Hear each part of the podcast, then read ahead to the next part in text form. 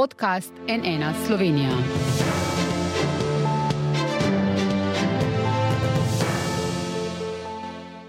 Dobr dan, to je NN studio. Je predsednik vlade Robert Golop dvignil roke nad večino ključnih reform, za katere je nedavno sam zatrjeval, kako ključne so. V včerajšnjem pogovoru za Pop TV, kjer je sicer veliko govoril o svojem zasebnem življenju in novi partnerki Tini Gaber, je ostro kritiziral finančno ministrstvo in njegovo komuniciranje o davčni reformi. Ministr Klemen Boštjančič je možnost odstopa že zavrnil. Prav tako je golob dejal, citiram, če ljudi ne znamo prepričati, da jim bodo reforme olajšale življenje, se reform ne bomo šli. V koaliciji je zavrelo, neuradno je celo slišati, da je premijer priznal, da je stvar zavožena. Prek video povezave je zdaj z nami analitik Andraž Zorko, ustanovitelj in partner v družbi Valikon. Dobr dan. Dobr dan. Torej, v koaliciji neuradno predvsej vre, poročamo na NN, ministr Boštjančič, kot rečeno, odstopil ne bo, ne želi pa komentirati golobovih kritik, poročajo finance. O vsem tem smo danes povprašali tudi vodjo poslanske skupine Levica, Mateja T. Vatovca in pogledamo najprej, kaj je odgovoril. Premijer je včeraj rekel, če boste sposobni prepričati ljudi, da so reforme za njih dobre, potem je brez veze, da v te reforme greste.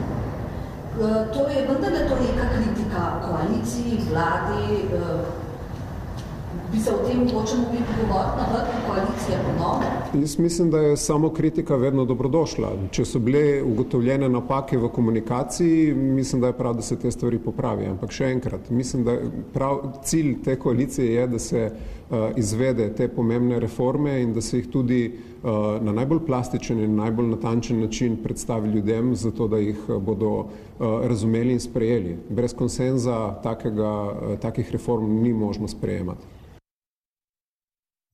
Slišala sva, cilj so še vedno reforme, čeprav premijer pravi, da jih morda tudi ne bo, pri čemer se je Slovenija pri pokojninski reformi in dolgotrajni skrbi, pa tudi pri plačah, zavezala tudi Bruslju za evropska sredstva za načrt za ukrevanje in odpornost. Kako ste vi razumeli ta premijev nastop? Je izobesil reformno belo zastavo, če tako rečem? Je res priznal, da je stvar zavožena? Jaz mislim, da je bilo za kakšno takšno sodbo preuranjeno. Jaz mislim, da v včerajšnjem primeru te izjave ne gre za kaj drugega kot uh, predvsej nepremišljeno izjavo v nekem trenutku, ki pa je predvsej občutljiv. Tudi v kontekstu, v katerem je to izjavo izrekel, je malce nenavaden sploh to mešanje privatnih in javnih stvari v eni in isti vdaji. Um, ključna stvar pri reformah pa seveda je ravno komuniciranje, zato je to še toliko bolj nerodno. Uh, jaz dvomim, da bi uh, predsednik vlade Golop že kar v tej fazi dvignil roke, kot pravite, ko pa vendarle še nismo videli pravzaprav veliko teh reform.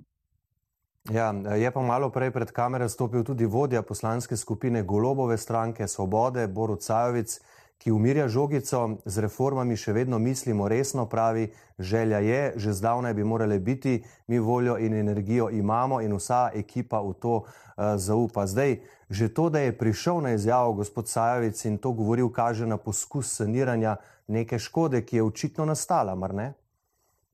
Ja, kot sem rekel vodoma, ne, šlo je za precej nepremišljeno izjavo, ki je kot očitno dvignila precej prehud, sicer se verjetno tudi mi dva ne bi pogovarjala danes. Eh, reforme so v bistvu največji projekt te vlade, ne samo te, pravzaprav, eh, ne samo zato, ker so z njimi nastopili že v svojem programu z neko obljubo, tudi zato, ker ste omenili, ker gre za zaveze Bruslju, eh, predvsem pa zato, ker jih ta država nujno potrebuje. Vemo, da se določeni sistemi niso dotikali že več desetletij, kaj šele nekaj let. Torej, z tega vidika gledano so reforme pravzaprav vse, kar ta vlada lahko stori, kar lahko dobrega stori, in hkrati je to tudi edina stvar, ki jo lahko obdrži na oblasti, če bi se resno držali še ene od uh, obljub, ali pa morda bolj rečeno ciljev, da, bodo, da so tu prišli po dva mandata, ne pa samo enega. Ne. Ja, in te stvari, nepriljubljene stvari, se delajo v prvih dveh letih eh, mandata, ponavadi, če se delajo s tem, da je prvo leto že v bistvu uh, skoraj da mimo. A se vi strinjate, da je ta vlada pri komuniciranju reform, da se je v bistvu zaletela na nek način? Opozicijska SDS pravi, zdaj reform ni, so le analize, strateški sveti, ideje, dogovarjanja. Tudi NSI pravi, da bo to leto časovnic, ne pa leto reform. Katere so bile po vaše ključne napake narejene pri komuniciranju teh reform? No, spet se bom manjkam ponovil. Že to, da se mi zdaj pogovarjava o tem, uh, da se že kar govorimo o napakah pri komuniciranju, očitno pomeni, da komuniciranje ni dobro. Uh, jaz bi tle navrgel še en podatek. Uh, mi merimo raziskave na normalnost, med drugim tudi zaupanje v delo vlado, vlade Roberta Goloba in pa uh, uspešnost delovanja te vlade po posameznih področjih. En od njih je komuniciranje s prebivalci, ne samo v zvezi z reformami, ampak na splošno. To smo začeli spremljati predvsem zato, ker je bila prejšnja vlada Janeza Janše pogosto tarča očitkov o slabem komuniciranju s prebivalci in ta ocena komuniciranja s prebivalci je, je v bistvu padla od vseh tistih področji, ki spremljamo še najbolj. Ne. Če smo začeli pri oceni 3,1 povprečni, ki je že tako v resnici slaba, pa vemo, da je posledica neke razdeljenosti uh, politične v Sloveniji. Uh, avgusta lani smo zdaj pri oceni 2,4 po dobrih pol leta, praviloma gre za eno desetinko manj vsak mesec.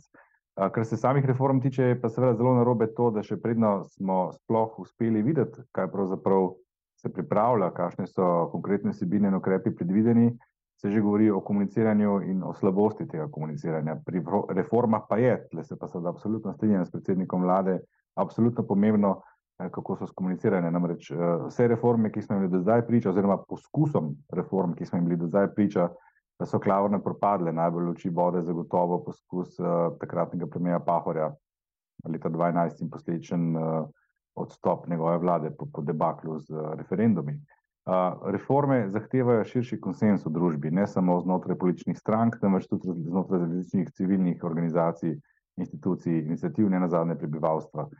Če tega konsenza ni, potem se hitro začne pojavljati, hitro začne v javnosti pojavljati različne uh, manipulacije, dezinformacije, tako kot v primeru recimo davčne reforme, kjer je prva informacija in pravzaprav skoraj edina, ki smo bili deležni tudi uh, normalni ljudje, da tako rečem, ta, da se bo obdavčil regres in malica in prevoz. Ne. In to je seveda znak, da je s komuniciranjem nekaj hudo narobe. Ja, tisto so potem zanikali, pa razlagali, da, da jih nismo dobro razumeli in tako naprej, ampak so se potem zaplezali eh, še naprej. Eh, se spomnim tega, a je bilo pri tem komuniciranju reform pri tej vladi do zdaj narejeno tudi kaj dobro?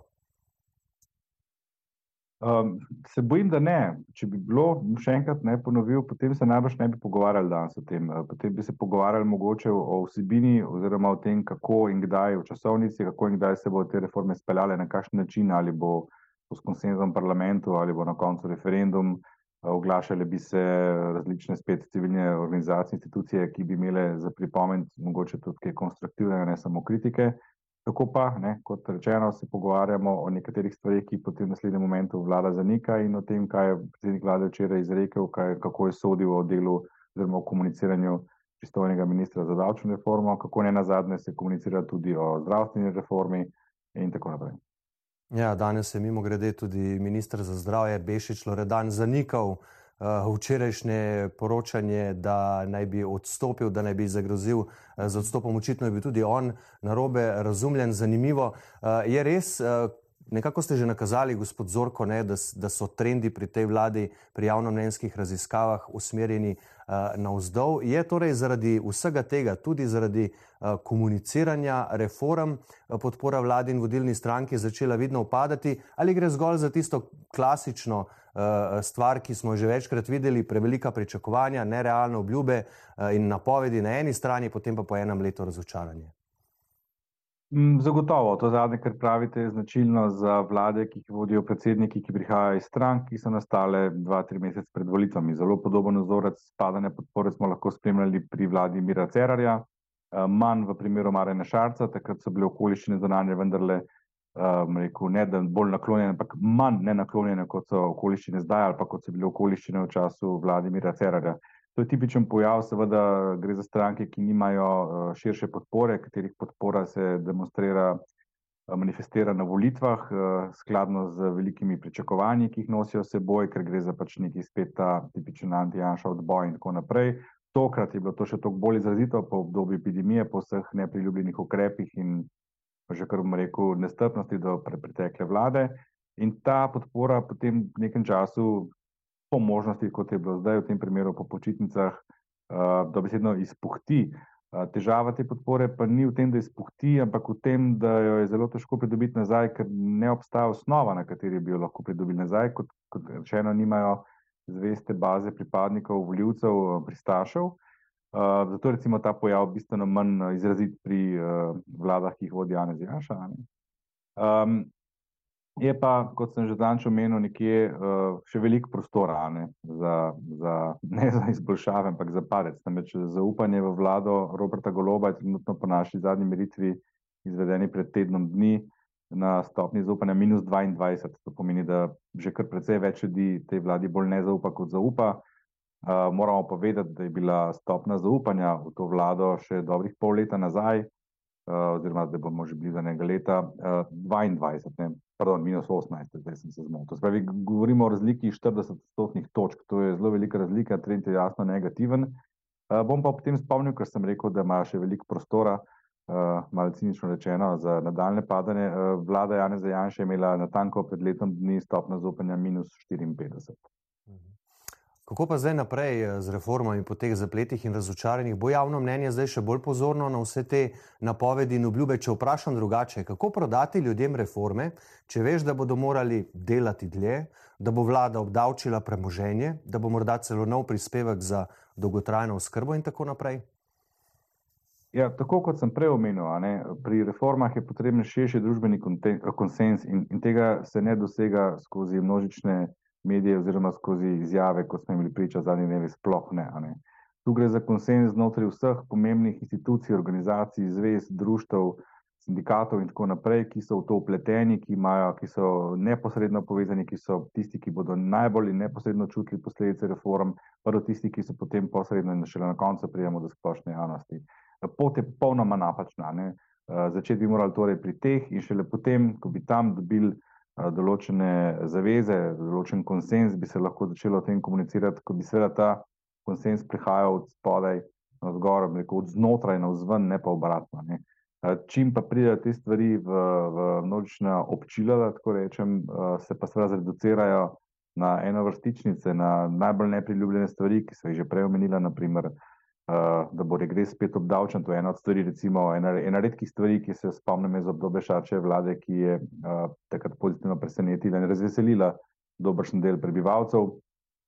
Uh, to bo seveda takoj naletelo na negativen odziv, ker nihče ne pozna seveda konteksta, nihče ne ve, kaj je v zadju, ali je to sploh res, konc koncev, in kaj vse je še predvideno ob tem, Tako da uh, v tem trenutku, če je bilo že tako slabo izhodišče, glede na to, da imamo še vedno upravka z nizkim zaupanjem, zelo nizkim zaupanjem v politične institucije, pa je treba pri tem takoj dodati, da je imela vlada Roberta Goloba takoj po izvolitvi zelo dobro izhodišče, ker je zraslo zaupanje v te institucije, še prej so začeli zares delati. Če smo spet na tem slabem izhodišču, so si ga zdaj še nekoliko poslabšali. Ne? Pot od tu na vzgor bo, bo, bo izrazito trda in trnova. Ja, prej ste že mm, malce omenili to mešanje javnega in zasebnega. Premijer Golop je sicer svojo zasebnost vedno skrbno skrival, nekako ga je bilo razumeti, to vas čisto nič ne briga. No, sinoči pa je v tem intervjuju zelo odprto govoril o svoji novi partnerki Tini Gabr. Ali menite, da gre tu za preusmerjanje pozornosti, da se ne bi eh, toliko ukvarjali z zamujanjem reform in drugimi zapleti v vladi in koaliciji? Premijer je absolutna javna osebnost in to, kaj počne v svojem zasebnem življenju, nas kot javnost eh, zanima. Imamo pravico vedeti. Eh, jaz ne vidim slabega v tem, da se o tem govori, da se tudi nastopa na ta način. Seveda, veliko odvisno od formata te vdaje, kaj bi bil namen, da se pa v eni vdaji meša privatno, zasebni, se mi mogoče, zasebno z javni, se mi mogoče ne zdi najbolj uh, pametno, profesionalno, kakorkoli. Um, ne vem, dvomim, da je to šlo za nek namen, ne, zamegljevanja, uh, da bi nekdo hotel zdaj pa namenoma v bistvu preusmerjati pozornost, ker če drugega ne, razvidno je iz samega rezultata. Ne, tudi če je bil tak namen, je bil jako neuspešen. Mhm. Eh, je pa premijeva partnerka z njim posnela celo intervju o pravicah živali, s čimer se ona ukvarja. Eh, hodi na sestanke v vladni palači, tudi zaradi nje je precej nemira v koaliciji in tudi v golobovi eh, svobodi. Ali torej tu hodi oziroma hodita po zelo spolskem terenu? Ne vem, koliko je ta teren spolzek. Um, zdaj, tle bi opomnil na to, da imamo primere iz tujine, kvanjih prvih dam, praviloma so prve dame, redko so prvi gospodje, v katerih se tudi govori v določenem kontekstu, ponovadi njihovo delo omejeno na neko dobrodelnost in tako naprej. Tu bi lahko naredili neko sporednico s tem, tako da če gledamo po tej plati, to ni tako zelo nenavadno, mogoče nenavadno za naše kraje, ker pa smo pa roko na srce imeli upravka s predsedniki vlad, ki so bolj kot ne skrivali svojo zasebnost. Mislim, zdaj nisem na tole vprašanje do te mere pripravljen, da bi znal našteti partnerice zakonske vseh preteklih predsednikov, ampak najprej mi na misel pade ta Miro Cerar, ki se je v času svojega ministrovanja povezal z novo partnerko in se kasneje poročil, potem pride na misel Janez Drnovšek, ki je imel kakor samsko zasebno življenje in tako naprej. Skratka, nismo vajeni ne, tega, da imamo, da imamo na čelu vlade predsednika, ki je v zakonski zvezi s partnerko, ki jo poznamo in potem posledično verjetno tudi nismo navajeni na takšne poteze. Zdaj sodi to njih, pa mislim, da se pa že spuščamo pol na nivo sod potem, ali je bilo v redu, kako je recimo Borut Pahor komuniciral na Instagramu ali pa ne. Pa ste kdaj merili na Valikonu recimo temu javni utrip o tovrstnih vprašanjih ali ne? Ne, saj pravim, to so tudi za nas kar nova vprašanja, tako da ne, pa tudi ne ukvarjamo se s takimi temami, merimo zaupanje v institucije, v poklice, v posameznike, ki so na teh pozicijah, ne pa na take posamične dogodke, kot je bil ta. In zanimanjem bomo spremljali, kaj boste izmerili v naslednjih tednih in mesecih, glede na to, kako se stvari razvijajo. Za danes pa, gospod Andraž Zorko, najlepša hvala, da ste bili naš gost. Z veseljem. Hvala pa tudi vam za vašo pozornost, seveda vse odzive, ki so kar precej burni na včerajšnji intervju predsednika vlade za oddajo Preverjeno. Spremljamo še naprej, jih sproti objavljamo na naši spletni strani nnainfo.si, iz studia pa le še lepo zdrav in nasvidenje.